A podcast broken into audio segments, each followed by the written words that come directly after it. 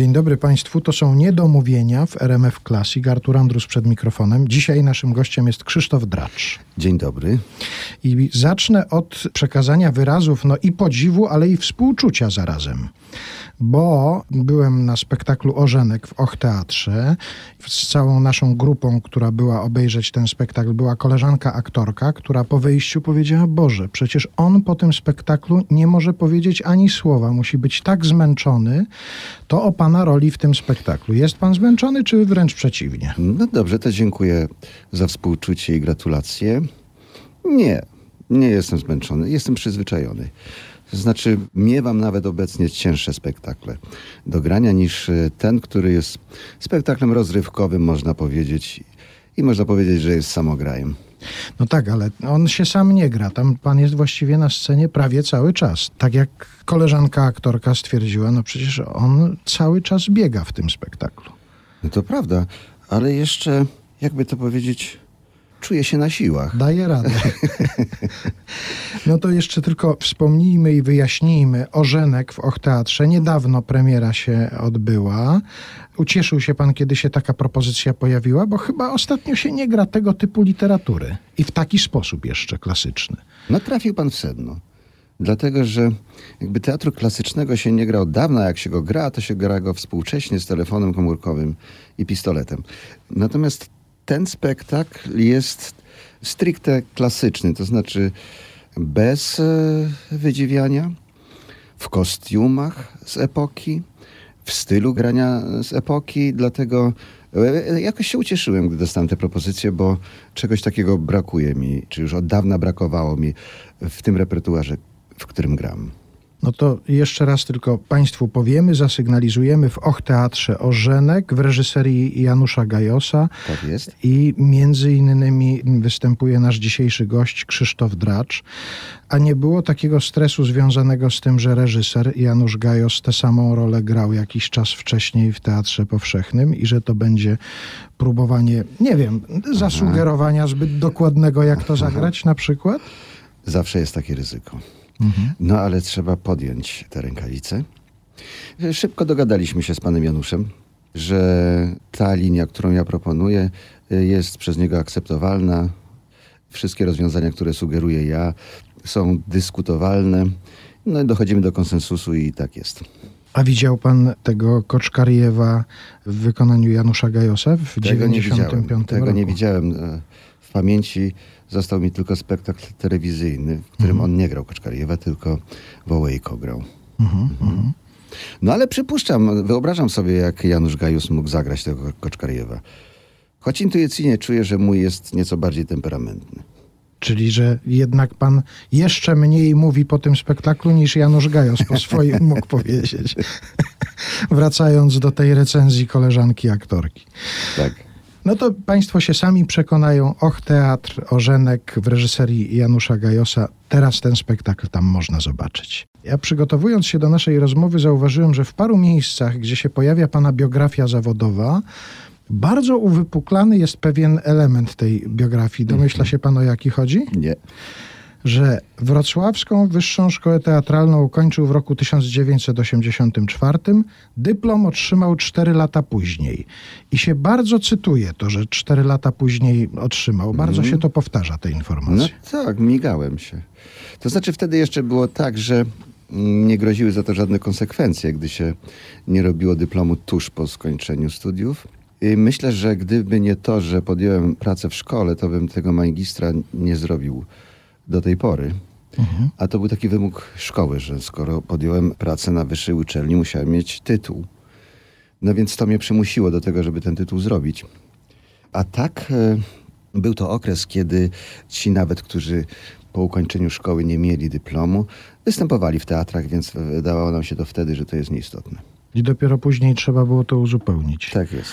Pan właściwie równolegle prowadzi swoją karierę i aktorską, reżyserską, i pedagogiczną. Uczy pan w szkole teatralnej cały Tak, już czas. od ponad 30 lat w uczelni, którą skończyłem, czyli wrocławskiej.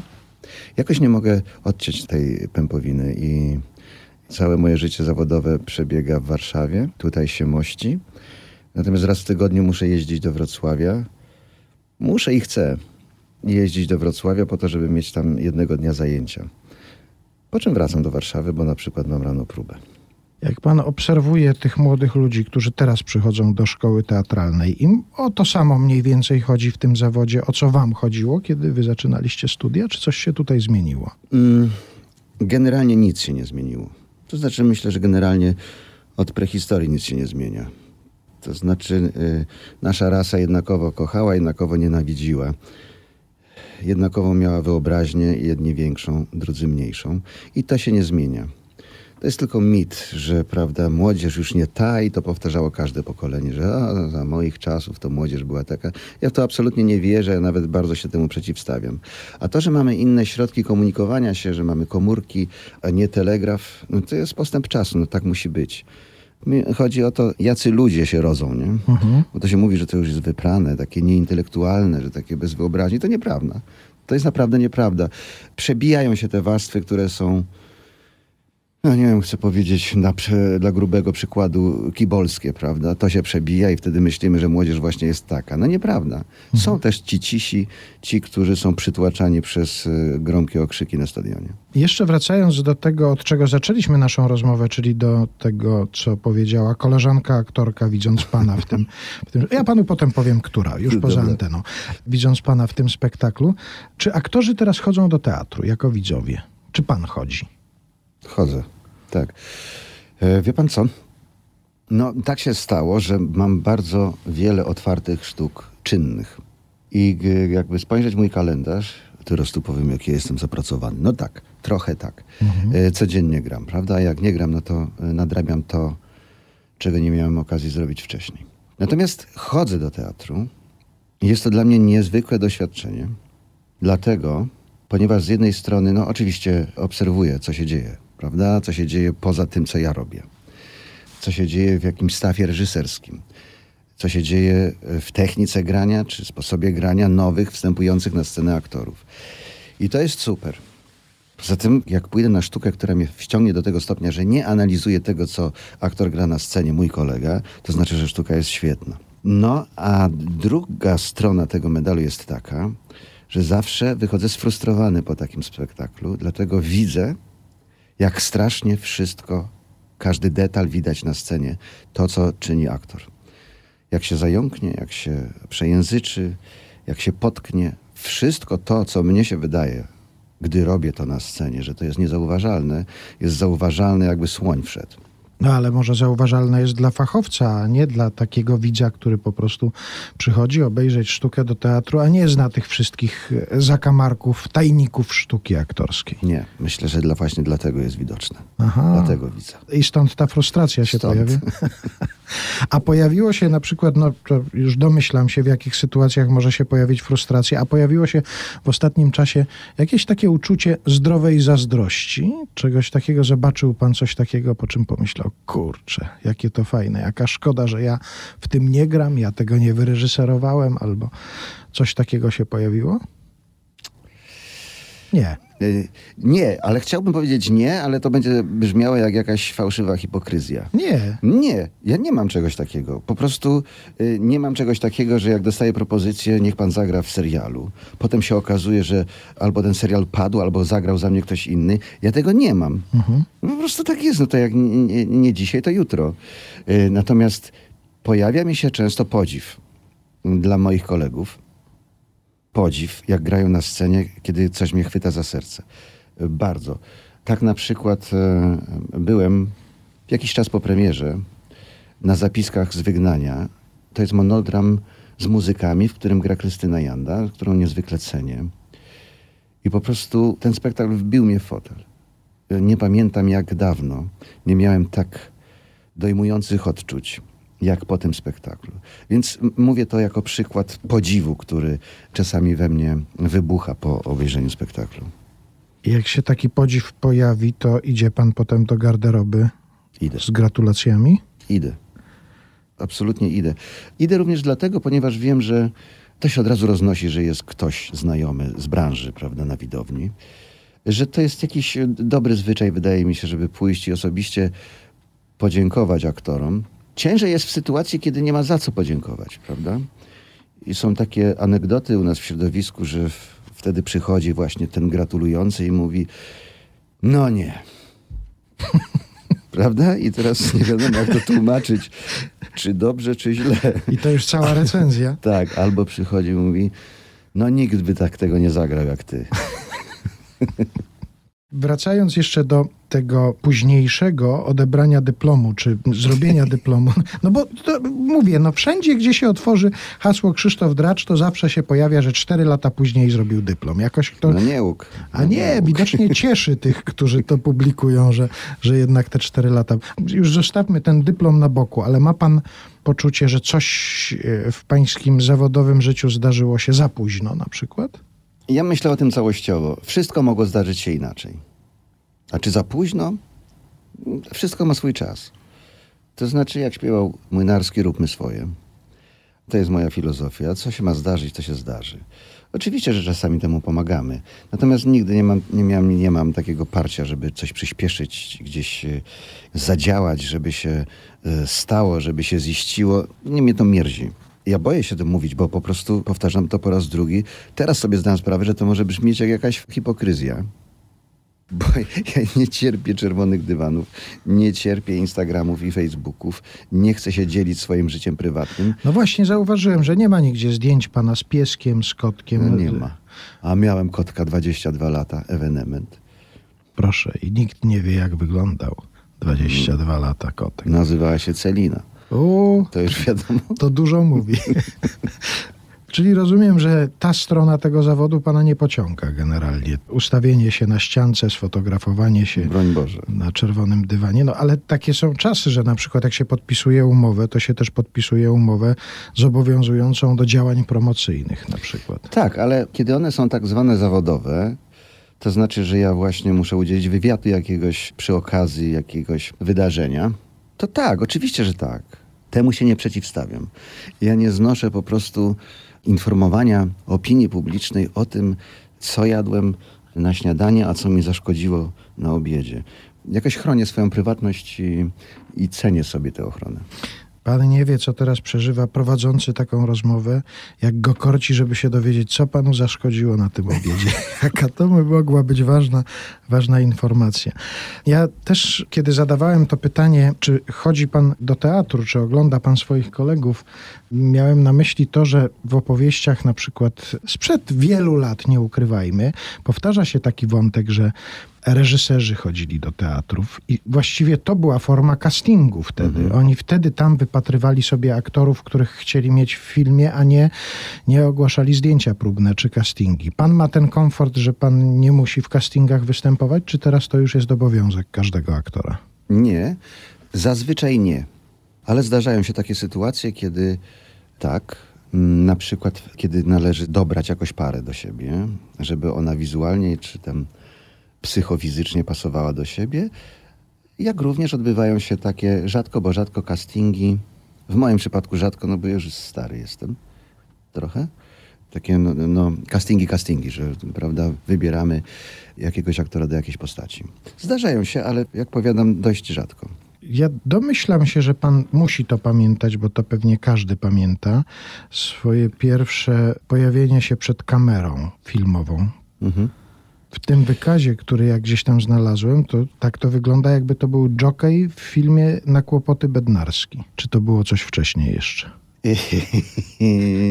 Cudownie.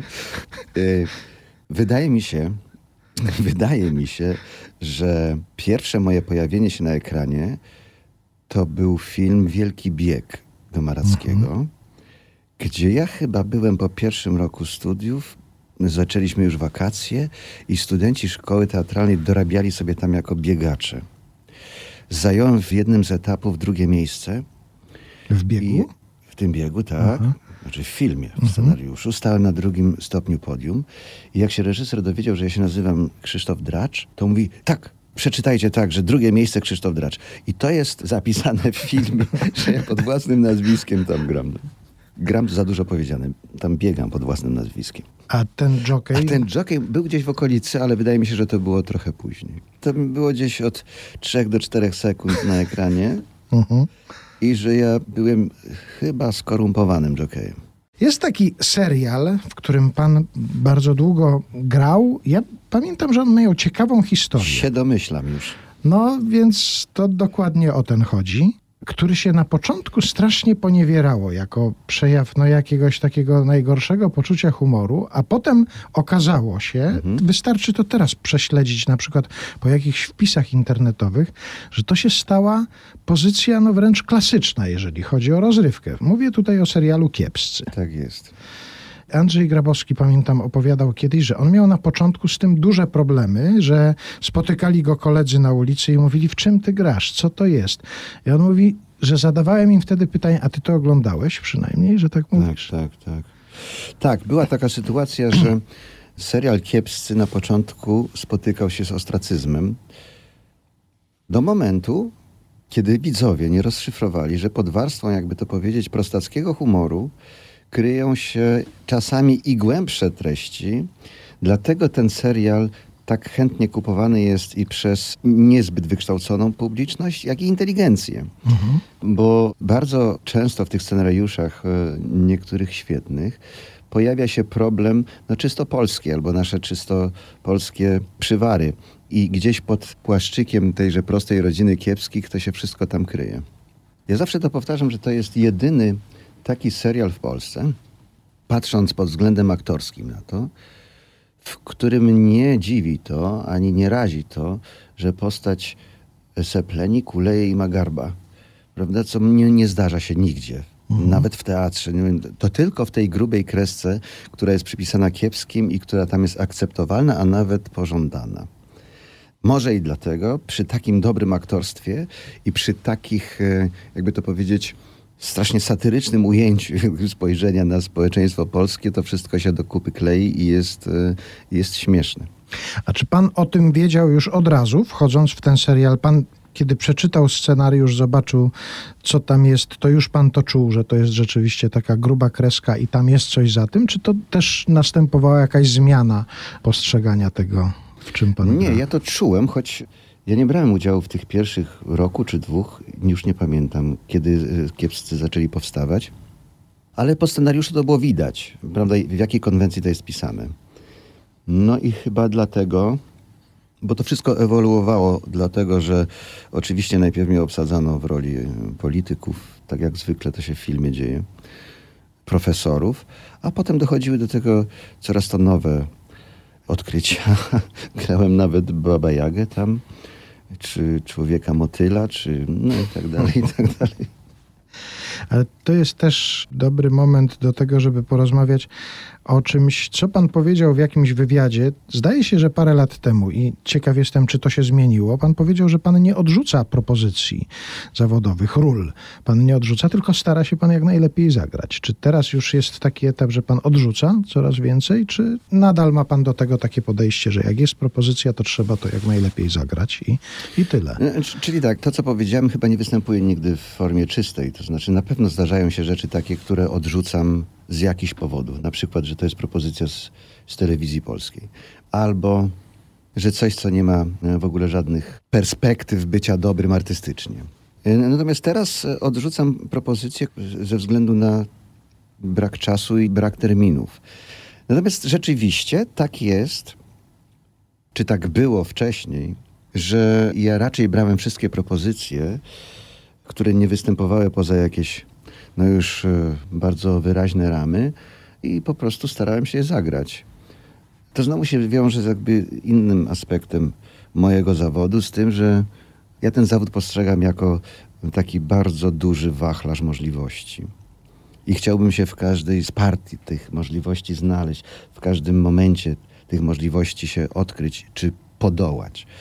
No oczywiście to jest niemożliwe w stu procentach, ale no, trzeba się starać. Jest jakaś rola, jest coś, co przynajmniej przez jakiś czas sprawiało panu jakiś kłopot, przylgnęło w taki sposób, że już miał pan dosyć tego, czy nie zdarzyło się w tym zawodowym życiu nic takiego? Nic takiego się nie zdarzyło. Czasami gdzieś dochodziły mnie echa, że prawda, może nie powinienem występować w kiepskich, ale to raczej ze strony leciwych aktorów. I, I zapewne też tych, którzy tego nie widzieli. nigdy. może tak, może tak. Natomiast chyba do mnie nie przylgnęło na szczęście nic takiego, co by mnie definiowało na lata.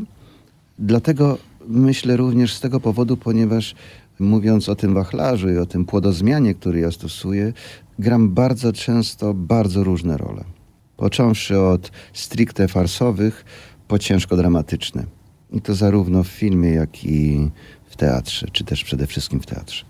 Ja byłem ciekaw tego, co widzowie na ten temat myślą, na temat tego, co pan zagrał, z kim, z czym się pan kojarzy najbardziej i zajrzałem sobie na ten taki branżowy portal, gdzie, gdzie są komentarze dotyczące różnych ról i tam się dosyć często pojawia na przykład ta postać. Jeden cytat sobie zapisałem. Za każdym razem, jak go widzę, to mam przed oczami Ławrentia Berie z sensacji XX wieku.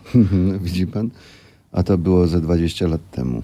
No, tak, czyli... rzeczywiście był taki cykl u Wołoszańskiego, szczególnie u Włoszańskiego, bo nie tylko u niego, gdzie ja grałem tego Berię, ze względu na fizyczne podobieństwo, jak się okazało, co mi uświadomił jeszcze Tadeusz Różewicz, który był przyjacielem Teatru Polskiego we Wrocławiu i on mnie tak spotkał kiedyś i mówi, wie pan, pan to tak całkiem wygląda jak Beria. Ja mówię, naprawdę? I mówię, to panie Tadeuszu, niech pan napisze jakąś sztukę, to ja w niej zagram. No może trzeba będzie pomyśleć. No a potem po dwóch miesiącach zgłosiła się do mnie Ewa Dejmek, która to mi w imieniu Wołoszańskiego zaproponowała, żeby tę postać zagrać. No to ja się jakoś tak złożyło. No, czyli to rozumiem, że do niego już dotarła ta informacja, że, że jest ktoś taki, że nie trzeba przeprowadzać zdjęć próbnych, tylko jest ktoś, kto może zagrać Berię od razu. Tak jest. Takie rzeczy się niosą po środowisku, zdaje się. A jeszcze a propos podobieństwa, to nie wiem, czy to do pana dotarło, ale to też się pojawiło w tych komentarzach. Do pewnego francuskiego aktora? No pewnie. tak, że że Louis de Finesse. Tak, tak jest. Prawda? Tak no jest. to tak to mi to. Ja nie wiem, jak to traktować, czy to jest dobrze, czy to jest źle. Natomiast rzeczywiście wiele osób mi mówi, e, że ja mam coś wspólnego z nim. Znaczy, wspólnego to może za duże słowo, że jest jakieś podobieństwo. Może chodzi tu o typ temperamentu, no nie wiem, jakichś środków wyrazu, które są podobne. Ale zdarzało mi się również, że Zapytał mój kolega, a gdzie aktorzy są, w której garderobie? Tam, tam proszę iść, tam pan pres właśnie poszedł. Bo ja byłem do Grigoria Sakaszwili podobny za młodu. Mhm. Jeszcze miałem wąsy, trzeba sobie zdać z tego sprawę. Albo na przykład pojechaliśmy na, z teatrem na występy gościnne, weszliśmy do jakiegoś sklepu i sprzedawca mnie pyta, pan jest z zespołu, prawda? Ja mówię, no tak, tak, przyjechaliśmy, tu będziemy grali. Pan krzywy, prawda? Jeszcze chciałem nawiązać do zajęć w szkole teatralnej. Znalazłem informację, że we wrocławskiej filii Akademii Sztuk Teatralnych pan prowadzi zajęcia ze scen współczesnych, tak? To się tak, zgadza? Tak, zgadza się. A gdyby widzowi teatralnemu, który tak nie do końca wie, z czego się składa nauka tego zawodu, próbować wytłumaczyć, co to są sceny współczesne, Zajęcia ze scen współczesnych. Co to takiego jest? No to są takie zajęcia, gdzie się mówi, jak się idzie do serialu, co masz odpowiedzieć, jak ci zaproponują kawa czy herbata? Nie, nie, dziękuję, może woda. Dobra, to taki żart miał miejsce. No, domyśliłem się, tak, tak. Na czym polegają sceny współczesne? No, sceny współczesne to jest kierunkowy przedmiot w szkole. To znaczy wszystko, zdaje mi się, samo sedno aktora odkrywane jest, czy też powinno być odkrywane na tych właśnie zajęciach, choć nie tylko. Na jakimś dramatycznym materiale, materiale scenicznym, który przygotowujemy razem ze studentami, bo ja prowadzę zajęcia na trzecim roku już od wielu, wielu lat. Na jakimś właśnie takim współczesnym materiale uczymy się, jak kierować i zawiadywać swoim ciałem i swoją psychiką, żeby tenże materiał wykonać. I przy tej okazji, żeby zagrać ten materiał, uczymy się, co to znaczy dobór środków, który guzik nacisnąć, żeby uzyskać odpowiednią emocję i jak dojść do tej emocji, jaki proces wewnętrzny przeprowadzić w człowieku, żeby mogły na przykład pojawić się, mówiąc prostacko, łzy w oczach. Bo mnie o to zapytał niedawno w wywiadzie jeden pan, czy są jakieś sposoby na to, Prawda? Ja powiedziałem, że tak, no XIX-wieczne sposoby były takie, że Trzeba długo patrzeć w reflektor, żeby się aktorowi pojawiły łzy w oczach. Niektórzy to nawet jeszcze stosują. Nie, to znaczy, mówiąc najprościej, jak już jesteśmy przy tych łzach, jaki przeprowadzić wewnętrzny proces, żeby zaszkliły mi się oczy? Czyli jak ja muszę umieć zawiadywać swoim wnętrzem, swoim myśleniem i swoją emocją, czy swoimi uczuciami, żeby taki stan osiągnąć. Na tym prostym przykładzie mogę powiedzieć, że jeżeli uda nam się osiągnąć taki stan, to uda nam się osiągnąć każdy inny. Wściekłość, nienawiść i tak dalej, i tak dalej, i tak dalej. Tego ja muszę nauczyć nie. Muszę pokazać, jak do tego dojść y, studentowi. To jeden z wywiadów prasowych, jakiego pan kiedyś udzielił, zdaje się, nosił nawet taki tytuł, że teraz już się płacze naprawdę. Tak. Miałem taką panią pedagog, znaczy taką nauczycielkę w szkole teatralnej, która mówiła, no właśnie nie wiadomo, czy aktorstwem jest to, że aktor udaje, że płacze, czy naprawdę płacze. Więc teraz już tego dylematu nie ma. Teraz, jeżeli aktor nie płacze naprawdę, udaje, a widz to skonstatuje, to taki aktor już jest przegrany w tejże roli. Wiąże się z tym taka anegdota, że mój mistrz Igor Przegrodzki, który absolutnie wywodził się jeszcze z teatru przedwojennego, choć aktorem przed wojną nie był, właśnie z tego teatru pochodził. On sądził, że w teatrze musi być amant i amantka, że jak się uda zagrać wesele, to znaczy, że taki zespół teatralny jest zespołem. No i on zagrał kiedyś takie przedstawienie, nazywało się Ostatnie Kwadry i był znakomity w tym. Był znakomity i poszedłem do garderoby. Mówiliśmy o tym, że chodziłem do garderoby po spektaklach. Poszedłem do garderoby i mówię, panie Igorze, znakomicie. A on powiedział, Krzysiek, ja to gram po sobie, ale nikt nie musi tego wiedzieć. To znaczy uważał, że, że jakaś prywata, którą wprowadził, czy jakieś osobiste przeżycia, które wprowadził na scenę, że to nie było do końca aktorstwo. A to było najbardziej ujmujące.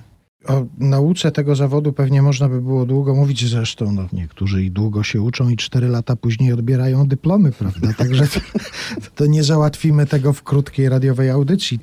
Jeszcze chciałbym wątek Wrocławia tutaj poruszyć. Pan pochodzi w ogóle z Dolnego Śląska, prawda? Ja pochodzę z Dolnego Śląska. Moja matka i babka to są właśnie te czasy przesiedleń z Bieszczad, bo one, one mówię, bo przyjechały tu już bez dziadka, pochodzą spod Ustrzyk Dolnych. Wtedy, kiedy była robiona akcja Wisła i kiedy czyszczono Bieszczady po to, żeby się rozprawić z UPA, no przewieźli Polaków z tamtych rejonów na ziemię odzyskane. A pamięta pan dokładnie z jakiejś... Oczywiście, ja tam byłem. Wieś już nie istnieje, była bardzo bogatą jakąś wsią, nazywała się Serednie Małe. Tak wyglądała ta wieś, że było tam siedem polskich rodzin, a reszta to byli Ukraińcy. No i wtedy podzielono wszystkich mieszkańców na ludność ukraińską, którą wywieziono do Związku Radzieckiego, a Polaków na ziemię odzyskane. W związku z tym w ten właśnie sposób znalazłem się pod Wrocławiem w Brzegu Dolnym, gdzie znowu była słynna fabryka Anorgana, która produkowała cyklon B. Więc te wszystkie przejścia wojenne chodziły dłuższy czas y, Mhm. za mną, że to z opowieści babci, jak tam było w Serednim Małym i tam pojechałem kiedyś do tego Seredniego. A mama, babcia wróciły tam kiedykolwiek? Widziały te Babcia miejsca? nie, ale moja mama była raz i potem już tam nie chciała wracać, bo wieś, można powiedzieć, nie istnieje, choć nazwa istnieje. Kiedyś jakiś geodeta, zdaje się, z Poznania, robił tam pomiary i się zakochał w tym krajobrazie. Została tam taka polana, niezarośnięta, ponieważ kiedyś, jeszcze za czasów PGR-u, wypasano tam owce. I on się zakochał w tym, wybudował na miejscu domu mojej matki dom, ponieważ tam było czyste pole. Wszystkie wsie wypalano po eksmisji stamtąd ludności, natomiast tę wieś rozebrano, bo ona była, jak powiadam, bogata, rozebrano i gdzieś pokradli te domy i złożyli w innym miejscu. No i mniejsza z tym. Na miejscu mojej, e, domu mojej matki on wybudował dom i jeszcze dwa inne domy i hoduje tam huculskie konie i przyjmuje studentów na jakieś tam z, zgromadzenia. I spisuje historię Seredniego Małego. Jak tam pojechałem i on mnie powiedziałem, kim jestem, on strasznie się, jakby to powiedzieć, e, e, zapalił, bo ja mu opowiadałem również różne historie, które mi babcia opowiadała, pod którym chorbem straszyło, gdzie Domański przechodził i tak dalej, gdzie był ten e, rów z wodą i co tam się działo, jak przyjechali łupowcy. Mm, Natomiast dla mnie, to co mi babcia opowiadała jako dziecku, jak się schodziło do Ruczaju, to ja to zobaczyłem naocznie. To było rzeczywiście wspaniałe, dojmujące przeżycie. Dzień był piękny, słoneczny i po śladach niedźwiedzia doszliśmy tam. A wie pan, jakie było moje zaskoczenie i takie, bo oglądałem bardzo dobry serial polski Wataha. Mhm. I patrzę, jedna scena rozgrywa się w tymże domu, który na fundamentach domu mojej matki postawił teraźniejszy właściciel tego terenu. I tam się odgrywa scena, prawda, w głębokich Bieszczadach. Dobre, nie? Bardzo dobre. I od razu się nasuwa pytanie, dlaczego ja w tym nie gram, prawda? Oczywiście. A Wrocław? Wrocław się pojawił dlatego, że to było najbliższe duże miasto, do którego można było iść na studia i stąd ten wybór? Czy nie myślał pan, nie wiem, o Warszawie, o Krakowie, Nie, nie wiem, no. Łodzi, filmówka? Nie było takich pomysłów? Nie, to był jeszcze wtedy taki czas, że nie wolno było składać papierów do wielu szkół, tylko do jednej, bo teraz można do wszystkich. Dlatego ci kandydaci jeżdżą po wszystkich czterech państwowych uczelniach i zdają egzamin. To po pierwsze, związany byłem z Wrocławiem od dziecka, ponieważ moja ciocia mieszkała we Wrocławiu, więc ja już przed szkołą nawet podstawową pędziłem tu jakiś czas. To było moje ukochane miasto i takie e, wydawało mi się okno na świat, że to był wielki świat ten Wrocław. Poza tym przedtem to wyglądało tak, że dzieci z małego miasteczka były dużo mniej, jakby to powiedzieć, obyte w świecie niż teraz to się dzieje. E, Więc ten Wrocław i tak dla mnie był metropolią. No i takim najbardziej miejscem przyjaznym, gdzie wydawało mi się, że mogę się nie zagubić. Dlatego tu poza tym nie miałem świadomości tego, czy ja się nadaję do tego zawodu, czy nie. Mm, Absolutnie. Nie wiedziałem, z czym to się je, choć, jak się potem okazało, to byłem osobą, która z y, 30 razy częściej bywała w teatrze niż moi koledzy z miasta, bo mieliśmy bardzo fajną wychowawczynię w, w liceum, panią Żarczyńską, która nas co miesiąc zabierała na jakieś kulturalne wydarzenia. Pantomimę, teatr, operetkę, operę i tak dalej, i tak dalej. No więc y, tak to się wydarzyło, samo się stało. Poszedłem zupełnie nieświadom na te mm, egzaminy, się dostałem. No i tak. No ja przypuszczam, że komisja powiedziała, weźmy go, będzie miał kto Berię grać. Bardzo dziękuję za tę rozmowę. Krzysztof Dziękuję. Dracz był naszym gościem. Bardzo Dziękuję dziękuję. bardzo.